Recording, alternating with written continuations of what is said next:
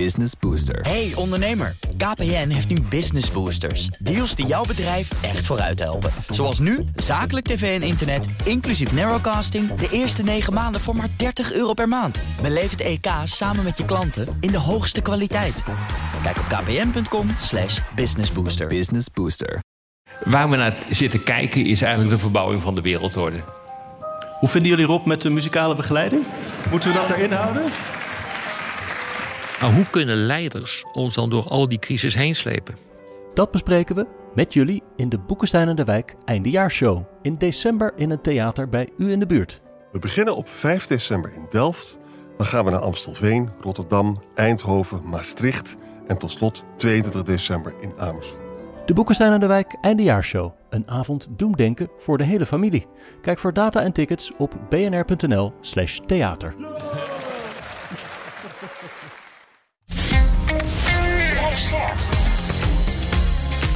BNR Nieuwsradio. Boekenstein en de Wijk. Hugo Reitsma. What might Russia's possible futures look like? And what would this mean for us? Scenario's voor de toekomst van Rusland. En van ons. In Na Poetin, de zondvloed? Een studie van Klingendaal-onderzoekers Bob Deen en Niels Drost. It's obvious that the fate of Putin's regime is not tied to its war against Ukraine. Van een Russische overwinning in Oekraïne And becomes stronger than ever. tot verlies en voorzichtige verzoening The new president then strikes a deal with the West. of totale chaos. Russia begins to implode. Het onderzoek heeft één mankement. We do not have a crystal ball and we can't predict the future. Bob Deen kan niet de toekomst voorspellen. Wij wel. Dat is algemeen bekend. De zorgvuldige studie van Klingendaal en de griezelige gaven van Rob en Arend-Jan om in de toekomst te kijken. Dat belooft wat voor Boekenstein en de Wijk. Op zoek naar de nieuwe wereldorde. Met Bob Deen. Welkom. Goedemiddag. Hey Bob, Rusland zit neem ik aan voor een generatie weer achter een ijzeren gordijn. Dat las ik ook in de column eh, van Rob in Trouw vanochtend, dus dan is het waar. Dus wat kan het ons nou eigenlijk schelen wat voor scenario zich daar ontvouwt? Nou ja, als dat uitkomt, dan. eh, ja, precies. Als het nog een hele generatie. eh, hoe lang blijft Poetin nog zitten dan, eh, Rob, wat jou betreft? Ik heb geen idee. Ik kan echt de toekomst niet inzien. Oké, nou ja, goed. Hij zit er nog Dan zeven jaar en drie maanden. Ah, zeven jaar en drie maanden, dankjewel. Ja, Ja, maar, Oké, nou ja, die ik is kom er zo wel even op terug. Waarom dat een zinloze vraag is, Bob. Ja. Nee, kijk, het, het rare van Rusland is, het, het lijkt heel stabiel tot het dat opeens niet meer is. Dus hetzelfde als met het uiteenvallen van de Sovjet-Unie, dat zeiden mensen een paar jaar daarvoor ook dat dat niet waarschijnlijk was. Eh, het rare is, je moet je op verschillende scenario's voorbereiden, omdat we simpelweg niet weten welk het gaat worden. Ja, en dan nogmaals, hoe belangrijk is dat bijvoorbeeld voor wat er in Oekraïne gebeurt en, en voor ons? Nou, ik denk dat de twee erg met elkaar verweven zijn. Op het moment dat Oekraïne heel succesvol op het slagveld Rusland de ene na de andere klap zal toebrengen. en ook de Russische economie diep in de problemen zal komen. uh, dan is het meer waarschijnlijk dat je allerlei instabiliteit krijgt daar. Uh, en andersom, uh, als de positie van Poetin verzwakt. en ook Rusland er steeds slechter voor staat. dan zullen ze ook ste- steeds meer geneigd zijn om ook weer open te staan voor een of andere deal. Want ik denk eigenlijk dat met Poetin helemaal niets meer te bereiken is. En als wij een duurzaam einde aan deze oorlog willen. Dus niet een, een tijdelijk staakt het vuren waarna het weer opleidt. maar echt een einde. dan zal er in Rusland iets structureels moeten veranderen. Ja, maar je hebt een aantal scenario's op, uh, op een rij gezet hè, in dat uh, rapport. Is het toch mogelijk om ze heel kort even samen te vatten? En dan kunnen we die dan gewoon ja, stuk voor stuk afmaken. Ja, ja we, zijn, we, zijn dus. We zijn eigenlijk gaan denken van. Nou ja, wat, is eigenlijk belangrijk voor ons? Vanuit precies die vraag die jullie stelden. Wat willen we eigenlijk weten over de toekomst van Rusland? Want uh, interesseert het ons wat de roebelprijs is of hoe die maatschappij zich ontwikkelt? Wat ons het meest interesseert op dit moment is: blijft het regime stabiel? Dus moeten we rekening houden met een Rusland dat vergelijkbare koers blijft, uh, blijft uh, voeren? Of komt er een serieuze verandering en wordt de boel instabiel? Want ook Rusland kan ook nog allerlei instabiliteit exporteren. Dus dat is eigenlijk de eerste vraag. En de tweede die we natuurlijk wilden weten is: krijgen we te maken met een Rusland uh, wat weer een beetje meedoet in die internationale rechtsorde, waar we wat mee kunnen. Mm. Of met een Rusland dat volledig geïsoleerd wordt. Wat je zegt, op achter een ijzeren gordijn, hek eromheen, helemaal niks mee doen. Nou, als je die twee tegen elkaar afzet, dan krijg je een paar scenario's. En, en ja, die kunnen we heel kort langslopen. Maar ik denk het belangrijkste vraag is eerst: uh, ja. wordt het na Poetin eigenlijk beter of minder? Want het is niet noodzakelijk altijd alleen maar beter. Heel ineens, ja. Nou, en wat is het antwoord op de vraag? die je zelf stelt? Uh, nou, ik, ik denk dat het, het belangrijkste is eerst uh, krijgen we een Rusland dat die oorlog kan blijven voortzetten of niet. Uh, op het moment dat ze dat namelijk kunnen uh, en wij kunnen het niet, dan kom je uit bij best wel duistere scenario's. Je kan je namelijk best wel indenken dat Rusland dit gewoon nog op de langere termijn kan winnen. Ja. Betekent niet dat ze meteen heel Oekraïne, Polen, Baltische Staten gaan innemen, maar wel een Rusland dat gewoon volhoudt. En wij niet, waardoor ze steeds meer stukjes Oekraïne innemen. Mm. Nou, dat is het eerste scenario, dat noemen wij zeg maar, The Empire Strikes Back. Ja. Uh, vlak hem niet uit. Het is wel degelijk mogelijk. Ja, dat vind ik dus ook. En uh, even, uh, Bob, dat is het scenario waarvan ik op dit ogenblik denk. Als ik, we hebben dat in de podcast nou keer op keer hebben we dat gedaan de afgelopen week. gekeken van wat gebeurt er nu met de steun in Amerika met Europa. Mm. Ja, dan moet je toch constateren dat daar wel vraagtekens bij worden gezet. Dus het is niet, wat, precies wat je zegt Bob, het is niet echt een irreëel scenario. Ja, nee, dus Rob, jij gaat natuurlijk meteen voor het duistere scenario. Ja, maar uh, Bob, uh, maak nog nou, eventjes af met de andere scenario's. het kan ook duister hoor. het kan nog veel duisterder hoor, maak je geen zorgen. Uh, nee, kijk, je kan je ook nog indenken dat Rusland het, het moeilijk begint te krijgen, allerlei hulp nodig heeft en wij dat niet willen geven en zich steeds meer tot China wendt. Ja. En op dat moment, dat noemen we het Chinese up proxy, dan wordt Rusland eigenlijk een soort marionet van China tegen ons. Dat is nu nog niet zo, want de Chinezen houden Poetin nog op armlengte afstand, maar laten hem ook niet vallen. Op het moment dat de confrontatie met China groeit op geopolitiek niveau, kan het in het Chinese belang worden om Rusland overeind te houden tegen ons. Klopt. Dus dat is ook best een, uh, een, ja, ook een scenario. scenario ja. Mm. Jazeker. Zeker. Ja, uh, nou ja, en de, de derde is dat als Poetin zijn hand overspeelt, en dit zijn de drie scenario's waarin het regime min of meer stabiel blijft. Uh, als Rusland zijn hand overspeelt, uh, bijvoorbeeld een kernwapen inzet in Oekraïne, en totaal internationaal geïsoleerd wordt, dan trekken ook India, China, Brazilië allemaal hun handen ervan af.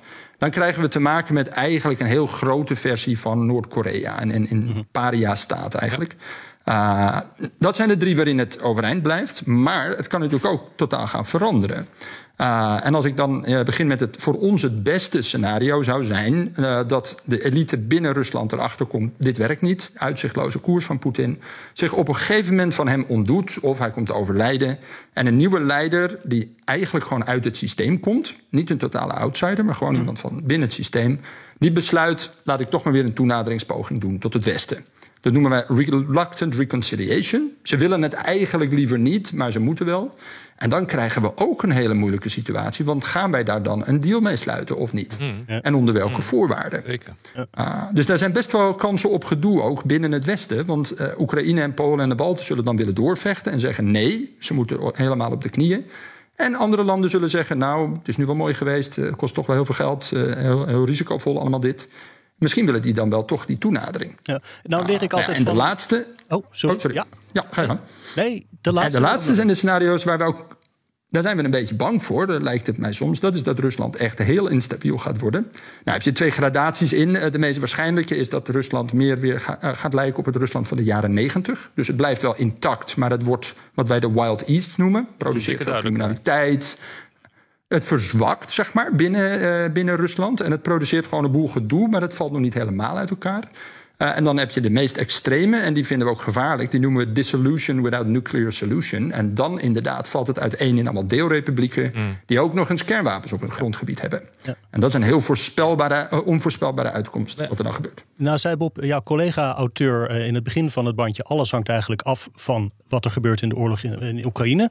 Nu leer ik altijd van Rob en Arjan, het is een padstelling, het gaat nog heel lang duren. Dus dan kunnen we bijna alles volgens mij al wegstrepen. En dan kom ik uit op uh, China's proxy slash neo-Stalinist fortress. Dus dan, dan, dan hebben we hem de toekomst, toch?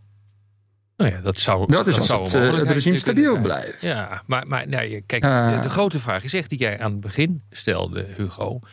Van wat moeten we hier nou eigenlijk mee? In alle gevallen, want ik, ik, heb dat ook zitten doordenken, kom ik tot de conclusie. Maar ja, Bob, wat vind jij ervan? Je ontkomt er gewoon niet aan om een nieuw ijzeren gordijn op te trekken. He, want wij, wij zijn altijd grensloos in ons wensdenken. Dus we hopen dan dat Poetin te val komt. We hopen dan dat er een, nieuw regime komt die, uh, die, op zeker, in zekere mate weer zoete broodjes met ons gaat gaan bakken. Nou, dat hebben we in de jaren negentig gezien. Dat werkt dus ook niet. Um, daar kun je gewoon niet meer op plannen. Je kunt niet plannen, in mijn optiek, op een, op een Rusland dat mogelijkerwijs eens een keer wat, ja, zich wat beter gaat gedragen. Want de afgelopen 30 jaar hebben dat toch niet echt aangetoond, moet ik zeggen. Hm. Nee, ik vind dat je het, op dit moment het beste wat je kan doen is indammen. Ja, uh, indammen en, en, als het kan rondom Rusland ook nog een beetje terugduwen. Want er zijn een aantal plekken waar de zwakte van Rusland ook kansen voor ons biedt. Uh, dus dat betekent uh, ja, wat we in de Koude Oorlog containment en, en rollback noemden. Het is het beste wat je kan doen op, op dit moment. Ja. Ik denk wel dat we van tevoren al moeten nadenken onder welke voorwaarden we ooit weer met Rusland zaken zouden willen doen. Ja. Want daar kunnen we het nu niet eens over eens worden met elkaar. sommigen leggen die lat heel laag. Ah, ik, maar dat is toch veel ja, te vroeg is... voor.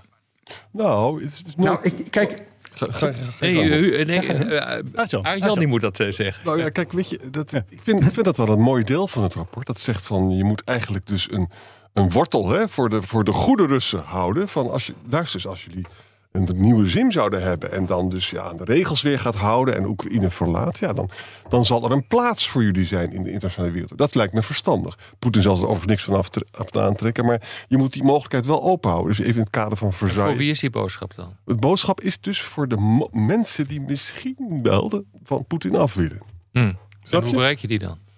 Dat, gewoon, door het, het, gewoon door te zeggen in interviews, zeg je van luister eens, eh, als, kijk, als we een ander regime zouden hebben in Rusland, natuurlijk willen we dan Rusland weer een plaats geven in internationale orde. Als er een conditie Wie moet dat dan gaan doen? Is dat uh, de Nederlandse regering? Is dat Amerika? Is Amerika, dat de Europese Unie? Is dat de baas van de NAVO? Amerika, denk ik, en ook een beetje, beetje de Europese Unie. Ik vind dat lastig hoor. Ja, nou, maar ik vind het. Rob, Bob, ik wil je wat anders vragen. Ik heb het rapport met heel veel plezier ja, gelezen.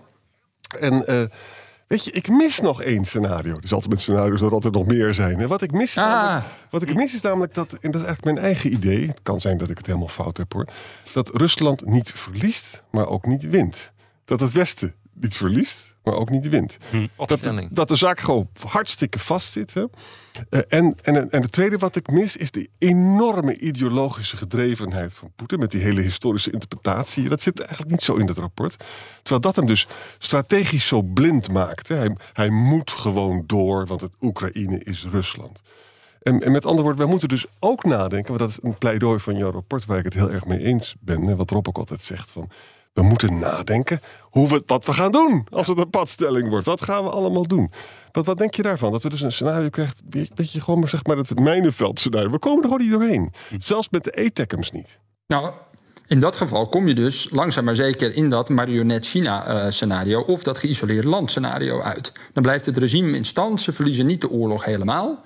Uh, maar ze, ook niet, uh, ze komen niet zodanig in de problemen dat ze ten val komen. Of omdat ze door China gesteund worden, of misschien ook de rest van de wereld. Want hebben het een beetje platgeslagen. Het is natuurlijk ook nog India, Brazilië, anderen die, die Rusland blijven, impliciet blijven steunen door hun olie onder andere te kopen. Uh, of die andere landen trekken hun handen ervan af en dan wordt Rusland echt een soort paria. Maar in beide gevallen kunnen ze gewoon nog door blijven vechten. Ja. er is geen reden specifiek voor Rusland waarom het volgend jaar zou moeten stoppen met vechten. Sterker nog, Rusland ziet het redelijk optimistisch uh, tegemoet. Hun staatsbegroting is lang zo slecht niet. Uh, ze hebben hun defensiebegroting fors verhoogd. Uh, de olieprijs staat redelijk hoog op dit moment.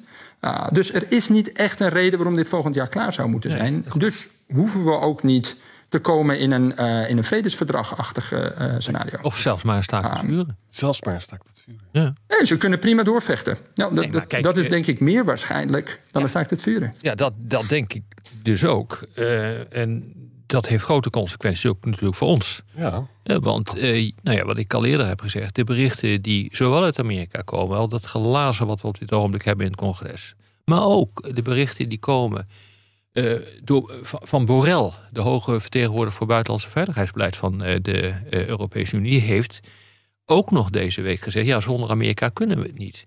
Ik denk dat, dat onze grote vriend Poetin zich helemaal een breuk lacht in, in ja. Sochi, waar hij op dit ogenblik is. Dat is echt gewoon. Ja, sterker nog, dat heeft hij net gedaan. Ja. ja, hij heeft dat letterlijk gezegd. Zonder westerse munitie is Oekraïne binnen een week dood, of zoiets, zei hij. Uh, Lachend. Hij krijgt al een klein beetje victorie. Nou, die, heb ik, die heb ik gemist. Nou ja, dat verbaast mij dus helemaal niks.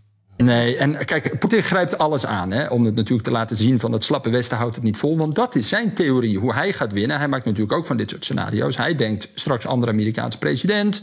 Uh, die Amerikanen gaan zich met zichzelf bezighouden. De Europeanen komen er niet uit en wij gaan gewoon door. Hm. Dat is hoe hij denkt te winnen. BNR Nieuwsradio. Boekenstein en de Wijk. Op zoek naar de nieuwe wereldorde. Dit is Boekenstein en de Wijk. En het programma is natuurlijk niet zonder Arend-Jan Boekenstein en Rob de Wijk. Zeg maar de Bob Deen van de oorlog in Joegoslavië. We praten over de toekomst van Rusland en Europa. En Bob is een beetje à la Rob. Hij schetst scenario's voor de toekomst van Rusland. Maar die zijn eigenlijk allemaal somber. En nou valt mij op, uh, Bob, dat als je het hebt over de scenario's die het slechtste zijn voor Rusland. De Wild East en de Dissolution. Dat je zegt die zijn eigenlijk ook slecht voor ons. Dat willen wij nou, die zijn vooral voor ons onvoorspelbaar. Nou, en, en dan wordt het dus ook heel interessant. Uh, wie zijn ons? Dus uh, Oekraïne, Polen, Baltische Staten, die vinden dat lang niet zo erg. Als Rusland diep in de problemen komt. Uh, sterker nog, dat zouden ze graag willen bereiken. want dan is hun historische vijand eindelijk eens een keer verzwakt. En, en weten ze dat hij niet meteen weer terugkomt en ze over tien jaar weer aanvalt.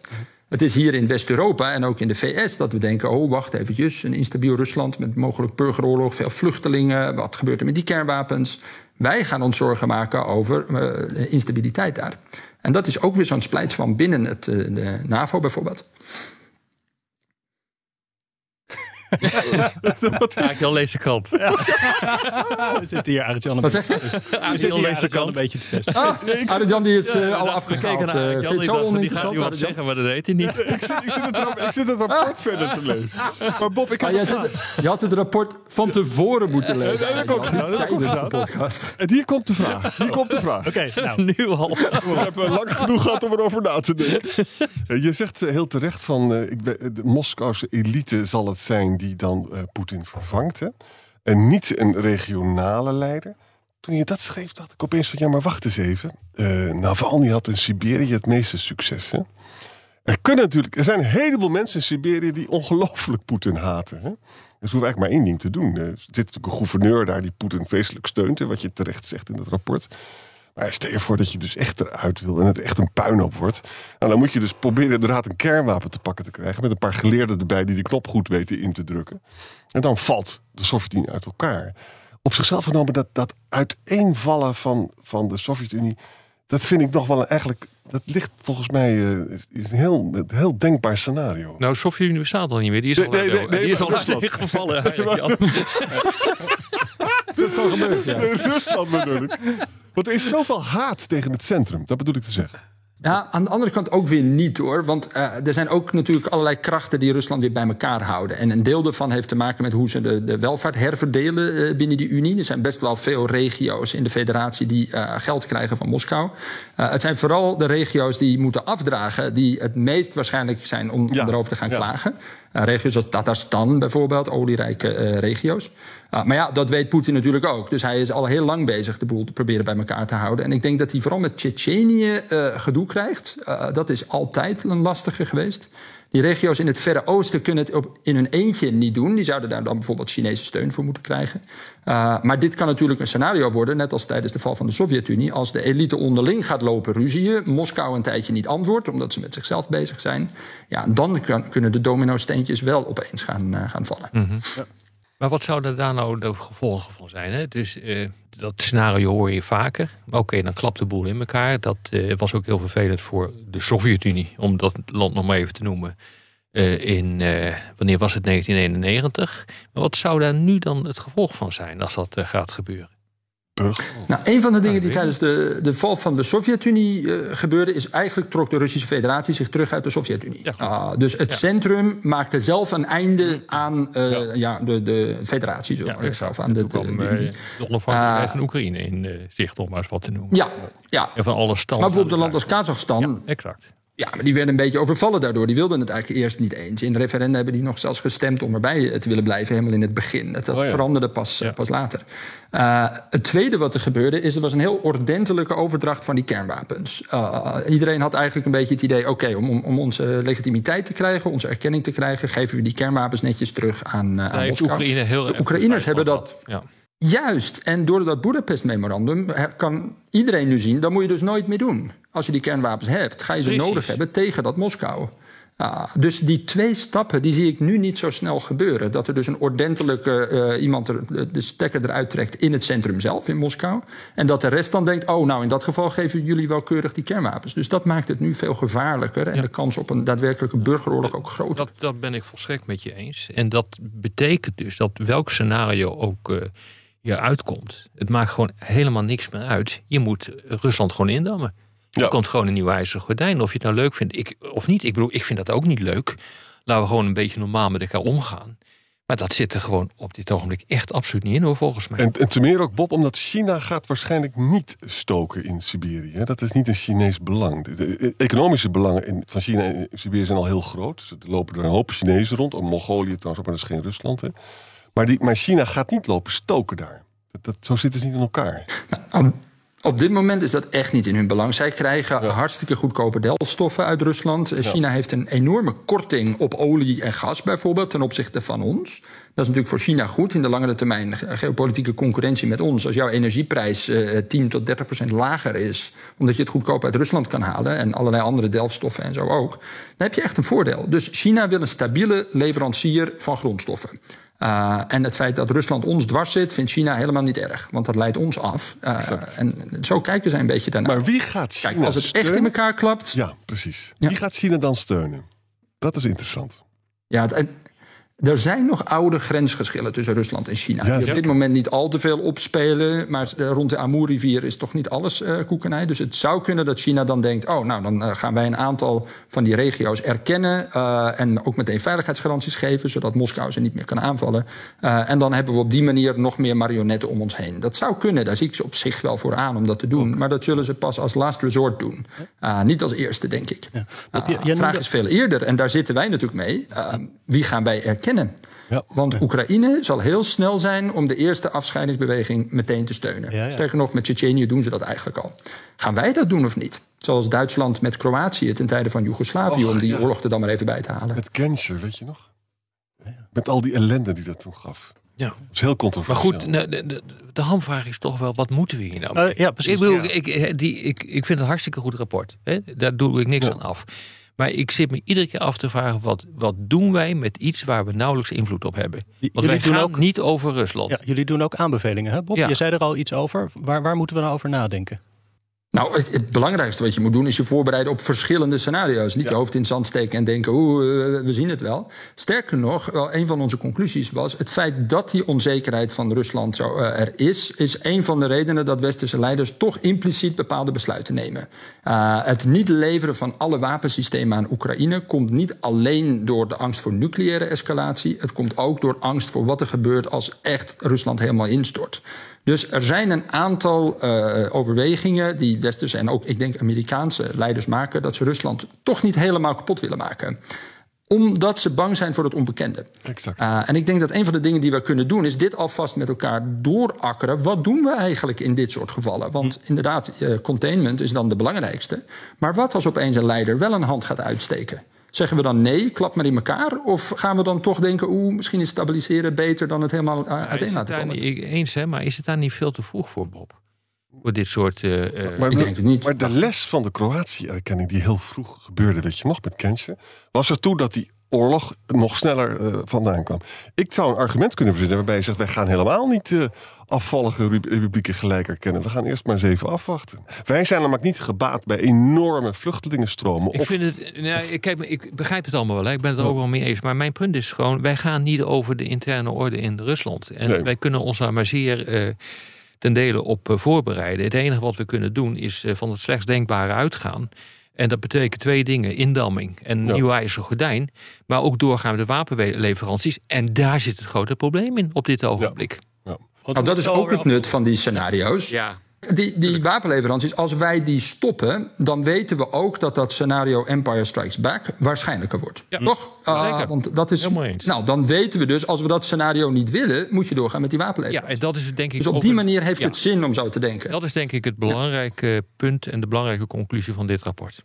Op de radio ronden we af, maar in de podcast gaan we langer door met luisteraarsvragen. Luistert u op de radio, dan verwijs ik naar boekensteinendewijk.nl of uw favoriete podcast-app. En daarin denk ik ook de definitieve toekomstvoorspelling van Rob en Arie. no. Maar eerst even dit. Hardlopen, dat is goed voor je. En Nationale Nederlanden helpt je daar graag bij. Bijvoorbeeld met onze digitale NN Running Coach... die antwoord geeft op al je hardloopvragen. Dus, kom ook in beweging. Onze support heb je. Kijk op nn.nl slash hardlopen. Erik van Gerven vraagt uh, voor de betrekkingen met Rusland na deze oorlog... welke lessen kunnen we als Westen trekken uit de periode na de ineenstorting van de Sovjet-Unie? Nou, dat is echt één voor Bob. heb je even doorgegaan. Oh, jemig. Ja, nu okay. doe er even um, Ja, een, een van de dingen die we hebben geleerd is: je kan een land niet tegelijkertijd eerst vernederen, daarna negeren uh, en dan hopen dat het allemaal goed komt. Uh, wat we fout hebben gedaan met bijvoorbeeld Rusland na de val van de Sovjet-Unie, daar hebben we heel veel westerse experts heen gestuurd om ze te helpen met het hervormen van hun economie. Toen hebben ze weer een beetje geprobeerd op te bouwen.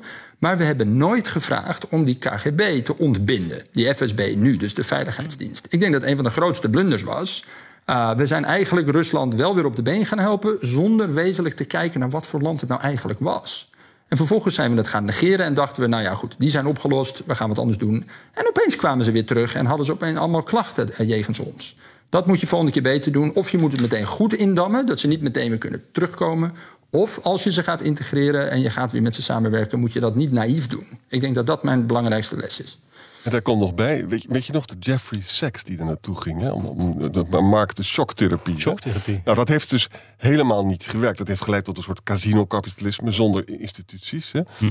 Dus daar moeten, we, daar moeten we ook mee oppassen. We hebben natuurlijk nu, nu een, soort, ja, een soort staatskapitalisme daar, maar, met, ook met een oligarchie. Ja, ik, en, en het probleem is, je zei, als we gaan integreren, Rusland in een veiligheidszone. Ik denk dat het gewoon niet kan. Dat dat, dat, dat de, de, conclusie is van de afgelopen 30 jaar. Dat lukt je gewoon niet. Of misschien wel van de afgelopen, afgelopen 70 of 80 jaar. En de reden is eigenlijk veel simpel. Het land is te groot. Heeft te grote aspiraties om een rol te spelen in de wereld. Om dat land te integreren in een Europese veiligheidszone. Dus je zal het gewoon als een aparte entiteit moeten beschouwen. Maar je, maar je kan terwijl je. Dan moet je het dus goed indammen, niet half. Ja, exact. Helemaal mee. Maar als je het goed indamt, dan kan je wel nog steeds, zoals Bob Deen eh, voorstelt in het rapport, zeggen van mocht het zo zijn dat jullie je goed gaan gedragen en dat je aan regels gaan houden en allerlei, allerlei voorwaarden gaan voldoen, dan kan je wel een plaatsje krijgen in een veiligheidsarchitectuur. Nou, dat denk ik niet. Ja, ik zie dat gewoon niet gebeuren. En uh, je kunt hooguit uh, weer een aantal van die regels van toepassing verklaren die we eigenlijk vanaf de jaren 70 hebben ontwikkeld in het kader van het zogenaamde Helsinki-proces met vertrouwenwekkende maatregelen, allemaal tot je dienst, dat moet je gewoon doen. OVC, Organisatie voor Veiligheid en Samenwerking in Europa, zou je weer uh, een, uh, moeten uh, ja, eigenlijk op moeten reanimeren. Daar komt het feitelijk op neer. dat is denk ik het enige wat je kunt doen. dus dat je gewoon afspraken met elkaar maakt, waardoor, het, ja, waardoor het gevaar er een beetje afgaat. Maar integreren in de veiligheids uh, organisatie en veiligheidsstructuur zie ik niet, niet gebeuren. Dat heeft uh, Gorbachev ook voorgesteld met zijn roemruchte Europese. Huis is allemaal niet gebeurd en kan ook niet volgens mij. Is het land gewoon te groot voor. Wat denk je, Bob? Nou, die OVC is natuurlijk een soort veiligheidsarchitectuur. Het was nooit een groep vrienden. Hè. Eh, ik heb er best lang voor gewerkt. Het was nooit makkelijk om met de Russen te dealen. Precies op, vanwege wat Rob zegt. Het is een groot land met heel veel eisen. En ze spiegelen zichzelf altijd aan de Verenigde Staten. Dus altijd als de Verenigde Staten geen verkiezingswaarnemer toelaten... dan laten de Russen dat ook niet. Nu zijn ze bijvoorbeeld weer dat uh, nucleaire uh, testverdrag aan het opzeggen... omdat ze zeggen, ja, de Amerikanen hebben het ook niet geratificeerd. Dus zij kijken niet naar Europa als gelijkwaardig. Zij kijken naar de Amerikanen, daar spiegelen ze zich aan. Klopt. En uiteindelijk heb je dus een veiligheidsorde nodig... waar ook die Amerikanen uh, met die Russen afspraken maken... heel praktisch over een aantal dingen. En ik zou conventionele en nucleaire wapenbeheersing... daar echt aan willen toevoegen. Eens. Over de Amerikanen gesproken. Een Jan Arns die wil graag zelf een scenario toevoegen aan het uh, rapport van Bob. Uh, is, uh, dat is het volgende. Trump wordt president en hij ontneemt Oekraïne het vooruitzicht op het NAVO-lidmaatschap. Rusland behoudt de nieuwe gebieden en roept eenzijdig een wapenstilstand uit. Er komt een gedemilitariseerde zone in Oost-Oekraïne met een rol voor de VN. Hm, het zou allemaal kunnen. Maar het gaat hier over de stabiliteit ja. van Rusland. En maar hangt dat... wel of niet, ja. dit regime wel of niet. Maar hangt dat ook niet af van mogelijke scenario's die zich in het Westen kunnen ontvouwen? Bijvoorbeeld wie de volgende Amerikaanse president Oost, wordt? Ja, dat denk ik wel. Ja, zeker.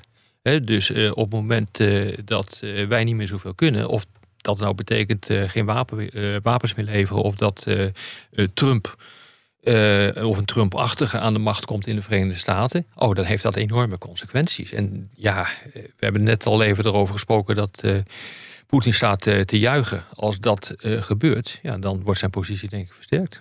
Als Trump dan moet je naar die scenario's kijken. Als Trump dus verkozen wordt en Europa heeft gewoon te weinig munitie hè, en te weinig wapens, dan ben ik bang dat het uh, heel gunstig is voor Poetin. En dan kan het zomaar gebeuren dat inderdaad Rusland een eenzijdig staakt het vuren doet. Ja. Kan. Ik, ik denk dat veel mensen zich toch niet realiseren hoe ernstig deze situatie is hoor. Wat, wat denk jij, Bob? Ja, in dit scenario wat Jan schetst, waarom zou Poetin nog eenzijdig een wapenstilstand uitroepen? Hij kan toch gewoon doorvechten dan? Hmm. Uh, dus wat, wat zeiden de redenen waarom de Russen zouden stoppen met vechten als wij geen wapens meer leveren aan Oekraïne? Poetin heeft het zelf gezegd. Dan houden de Oekraïners het niet vol. Nou, dan gaat hij echt niet stoppen hoor. Uh, dus vandaar dat ik denk, gedemilitariseerde zone in Oost-Oekraïne is helemaal niet in Russisch belang. Uh, het tijdelijk bevriezen wel. Dat ben ik wel met het scenario eens. Dat zou Rusland heel goed kunnen gebruiken om eventjes die druk van die Oekraïners eraf te halen. Weer goed te gaan ingraven en dergelijke. Dat, dat zie ik nog wel doen. Maar echt stoppen met vechten op langere termijn, ik zie niet in waarom. Nee, ik ook niet. Jeroen de Groei, we hebben hier al iets over gezegd, maar die zegt uh, Rusland is diep geraakt in de koloniale ziel. Dat is wel duidelijk. Is er een manier waarop het ooit een vredelievende staat wordt, dat niet het recht van de sterkste geldt, maar het internationaal recht? Hoe komt Rusland ooit op dat pad en hoe kan het Westen dat bespoedigen? Kan nou, het Westen, kan niet zoveel bespoedigen. Daar moeten we nou eens een keer van af. We hebben überhaupt weinig uh, bespoedigd. In Afghanistan hebben we ook niet zoveel bes, uh, bespoedigd. Er is ook een fantastisch rapport weer uitgekomen. Uh, die duidelijk laat zien dat we er een klerenbende hebben, van hebben gemaakt in de nadagen van Afghanistan. En dat gaat maar zo door. Wij, wij moeten een keer af van het hele idee dat wij dingen kunnen bespoedigen, dat wij dingen kunnen veranderen, dat, wij, dat de internationale betrekkingen maakbaar zijn. Dus daar begint het al mee. En, wat je er nog aan toe moet voegen, dit is een hele westerse vraag. Hè? Deze meneer zegt eigenlijk van Rusland moet mm. zich gewoon gedragen als het Westen. Ja, vanuit een, uh, zeg maar, een, ik noem het maar even een oostelijke, oosterse of oostelijke of een zuidelijke bril. Ja, het Westen heeft zich niet altijd aan internationaal recht gehouden. En dan heb ik hele Libië, Irak, ga zo maar door. Dus die vinden dat hypocriet. En die zeggen al bovendien, eh, volgens mij is het altijd zo dat het recht van de sterkste uiteindelijk toch heel belangrijk is. Zeker bij de bepaling van de regels. Dus dit is een beetje een, een, een vraag uit het verleden. En het is van belang om goed te zien dat wij niet meer zo machtig zijn. Hmm. Bob, wat zeg jij? Kan het Westen Rusland niet beïnvloeden? De Russen doen aardig hun best om dat hier wel te doen. Nou, we kunnen ze wel beïnvloeden, maar dat is omdat je moet onderhandelen met hen vanuit de positie van kracht, niet van zwakte. Dus op het moment dat wij sterk staan, dat we die NAVO goed op orde hebben, desnoods uitbreiden inderdaad met Oekraïne erin en tegen hen zeggen: deal er maar mee. Dit is gewoon hoe wij hiermee omgaan. Als je ons aanvalt, staat dit je te wachten. Dan kan je prima zaken met ze doen. Uh, De Russen maken altijd misbruik van zwakte, verdeeldheid, uh, onduidelijk of Oekraïne nou door ons geholpen wordt of niet. Dan stoken ze onrust en ellende. Maar dat is de, de, reden, uh, waarom de Russen toch behoorlijk uitkijken op dit ogenblik om echt in conflict met de NAVO te komen. dus, ja, uh, ja, dat doen ze dus niet. Um, zijn ze dan vredelievend? Nee. nee. Maar wie is er wel echt vredelievend op het internationale toneel, waar ik me ja. gewoon maar hardop afvragen. Ja. Tanja de Bie vraagt: wat zijn realistische scenario's waarin Europa niet verliest in dit globale geweld? Waarin Europa niet verliest. Nou, dan moet Trump niet winnen. Mm, we moeten doorgaan met de wapenleveranties. En dat betekent dat we onze defensieindustrie als een sodemieter op poten moeten zetten. Ja. Maar het is een kwestie van timing. Ik bedoel, ehm, als je dit allemaal zou willen doen, dan heb je jaren voor nodig. En de vraag is of je het gegund wordt om die jaren daarvoor te nemen. En met name met betrekking tot, de op, uh, tot het opwerken van je defensieindustrie. Dat is eerlijk gezegd mijn grote vraag. Rob en, ik, en Bob, ik zie gewoon geen aanstalten. Ook bij de Europese Unie niet. Hè, van mensen die zeggen van jongens, het moet nu. Wat ik zie is dat de, die CEO van dat Noorse bedrijf zegt van ja, ik heb gewoon de capaciteit. Ik ga het niet halen. Dat lees ik dan. Hè. Uh, maar ik hoor uh, Borrell ja. dan zeggen we moeten meer munitie hebben. Maar ik heb geen echt crisisgevoel bij Europa of bij de NAVO. We moeten nu echt even doorpakken. Er moet nu extra geld en extra maatregelen. Zo zitten ze niet in elkaar, Bob, of wel? Nee, en ik vind ook hoe Europa het dan weer doet. Kijk, ik snap het. Hè. Wij zijn de Europese Unie van nette openbare aanbestedingen en marktwerking en alles. Maar wat je dan ziet gebeuren, nemen ze de wet aan, het uh, ESAP. Een wet ja. om zo snel mogelijk ammunitie te gaan produceren. Ja. Dat komt nu pas, is dat Defensieagentschap eindelijk eens akkoord met die aanbesteding. Ik zit nog te kijken hoeveel één 155 mm granaat nou gaat kosten.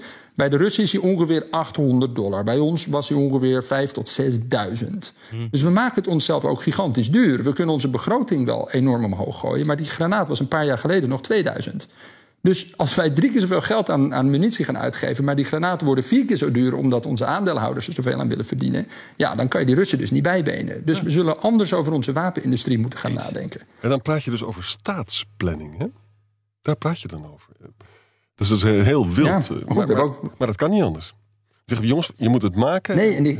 en dat moet voor 2000 en niet meer. Weet je wel? Dus, dus ja, en die granaten moeten ook nog voor vier verschillende systemen. Want we hebben allemaal verschillende artilleriesystemen. Want de Poolse krab en de Slovaakse Susanna moeten het ook allemaal kunnen afvuren. En het moet ook nog netjes verdeeld worden over zoveel mogelijk landen. Want iedereen wil ervan meesnoepen. Ja, dan leg je het dus af tegen andere landen die een, een centrale planning op dit soort dingen kunnen loslaten. En sterker nog, ah, Amerika dus kan het ook. Amerika ook. Dat is het hele punt. Dus Amerika zou je, daarvan zou je denken van, nou, die moet dat met een handelbedrijf kunnen regelen. En die kunt het ook niet want die uh, pas eind 24 zal uh, de productie op pakweg 90.000 granaten per maand liggen. Nou, dat is wat ja. Oekraïne aan het begin van de oorlog doorheen jaste. En nu is dat een stuk minder, omdat die granaten gewoon opdreigen te raten. En de Amerikaanse defensie richt zich op producten waar ze het meeste winst aan halen. Dat is ook het probleem. Hmm. En hier heb je dus echt een, een planningselement nodig. Het moet er nu gebeuren. En dan moet je met die 20% winst moet je het. En aandelenhouders moeten hun bek maar even. Zo wordt het natuurlijk nooit een geopolitieke ja. unie wat uh, von der Leyen graag wil. Dan wordt dus de staat aandeelhouder. Daar praten we over. Niemand die erover spreekt. Want uiteindelijk betaalt de belastingbetaler het toch. we doen het alleen via heel veel indirecte routes. Ja. Uh, en heel verdeeld natuurlijk over al die verschillende wapenindustrieën uh, van Europa. Dus ja, als we die strategische autonomie willen, waar deze vraag eigenlijk over gaat, hoe kan Europa zelf een actor worden op het wereldtoneel, dat we niet worden verslonden door anderen, moeten we hier wezenlijk anders over gaan nadenken en veel meer urgentie voelen dan we nu doen. Hoe is het? Dan heb ik hier tot slot nog een vraag van Jan-Paul Hof, speciaal voor Bob. Hij zegt: Hoi Bob, heb je een huistuin- en keukentip voor ieder die Rusland een duwtje in de juiste richting wil geven? Ik bedoel bijvoorbeeld het posten van anti-oorlogberichten op Google Reviews of Russische restaurants. Wauw. Oké. Het is, uh, het is voor, de, wat Rob zei, het is voor landen al moeilijk genoeg om Rusland te beïnvloeden. Laat staan voor gewone Nederlanders. Maar goed, la, ik, laat ik er een paar dingen noemen. Um, Eén is, er is nog steeds contact tussen westerse samenlevingen en Rusland. Dat is niet nul. Russen kunnen gewoon nog steeds met mensen e-mailen, via Signal uh, praten. Dus als je dat interessant vindt, je kan in allerhande Telegram-groepen uh, gaan en toch communiceren met Russen. Hm. Uh, moet je natuurlijk wel met de taal een beetje nadenken hoe je dat doet, maar dat, dat is de moeite waard. Want er zijn heel veel Russen die het ook allemaal niet geloven wat de staatspropaganda hen vertelt. Kost wel veel tijd en, en is moeilijk. En een tweede wat mij verbaasde, is dat wij blijkbaar nog steeds heel veel dingen uit Rusland kopen. Uh, bijvoorbeeld als je naar, naar, gas kijkt. We hebben import door de gasleiding hebben we stopgezet door de, door de pijpleiding. Mhm. Maar we kopen wel liquefied natural gas. Sterker nog, ik zag dat België nu een van de grootste importeurs is van Russisch gas. Ja. Ja, dan moet je druk gaan uitoefenen op je eigen regering. Van hou daar nou eens mee op. Want dat is rechtstreeks inkomsten voor die uh, staatskas van Rusland. En dan kunnen ze die granaten weer mee maken. Dus dat soort dingen kunnen we ook doen. Gewoon nog steeds bij onszelf kijken. Wat doen we eigenlijk nog waar Rusland baat bij heeft. Ja. Naar een vraag over, uh, Bob. Als je nou kijkt in Slowakije, wat er voor ongelooflijke Russische propaganda op social media is. Hè? In Polen trouwens ook. Hè? Dat is gewoon verschrikkelijk. En dat is heel effectief in Slowakije ook. Nou kunnen wij moeilijk hetzelfde doen, want social media is minder belangrijk, uh, minder toegankelijk in Rusland, geloof ik. Hè?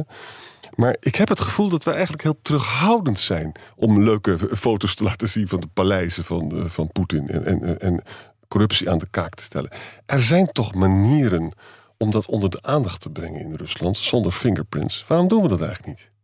Er zijn ook heel veel Russen die dit soort initiatieven doen. Uh, er wordt heel veel onderzoek gedaan door Russische organisaties naar corruptie. Heel veel misstanden worden aan elkaar gesteld. Navalny deed dat onder andere met zijn YouTube-kanaal. Ja. Veel daarvan zijn nu gevlucht. Die zitten in het buitenland, veel in de Baltische staten. Die kunnen we ook steunen. En dat doen we ook. Daar, is, daar zijn ook wel uh, bepaalde projecten voor. Uh, maar goed, Russische wetenschappers, Russische activisten die naar het buitenland vluchten, die kunnen we opvangen en een podium bieden. Uh, en daarmee kunnen we toch ook een steentje bijdragen om die, ja, die propaganda van Rusland uh, een beetje tegen te werken. En ook aan de Russen in eigen land te laten zien dat de situatie niet zo mooi is als de regering het allemaal voorspiegelt. Ja. De definitieve toekomstvoorspelling van Rob en Arjan? Geen. Ah. Zeven jaar en drie maanden. Oh ja, dat waren we. Ah, Jan is altijd akelig, precies. Helder. Meer over de scenario's uh, leest u uh, okay. in het rapport te vinden op de website van Klingendaal. Dit was weer Boekestein en de Wijk. Namens Arjan Boekestein en Rob de Wijk zeg ik dank voor het luisteren. Speciale dank aan Bob Deen en fijn weekend. Veel dank Bob. Ja, dank. zeer bedankt. Dank jullie. Business Booster. Hey ondernemer, KPN heeft nu Business Boosters. Deals die jouw bedrijf echt vooruit helpen. Zoals nu, zakelijk tv en internet, inclusief narrowcasting... de eerste 9 maanden voor maar 30 euro per maand. Beleef het EK samen met je klanten in de hoogste kwaliteit. Kijk op kpn.com businessbooster. Business Booster.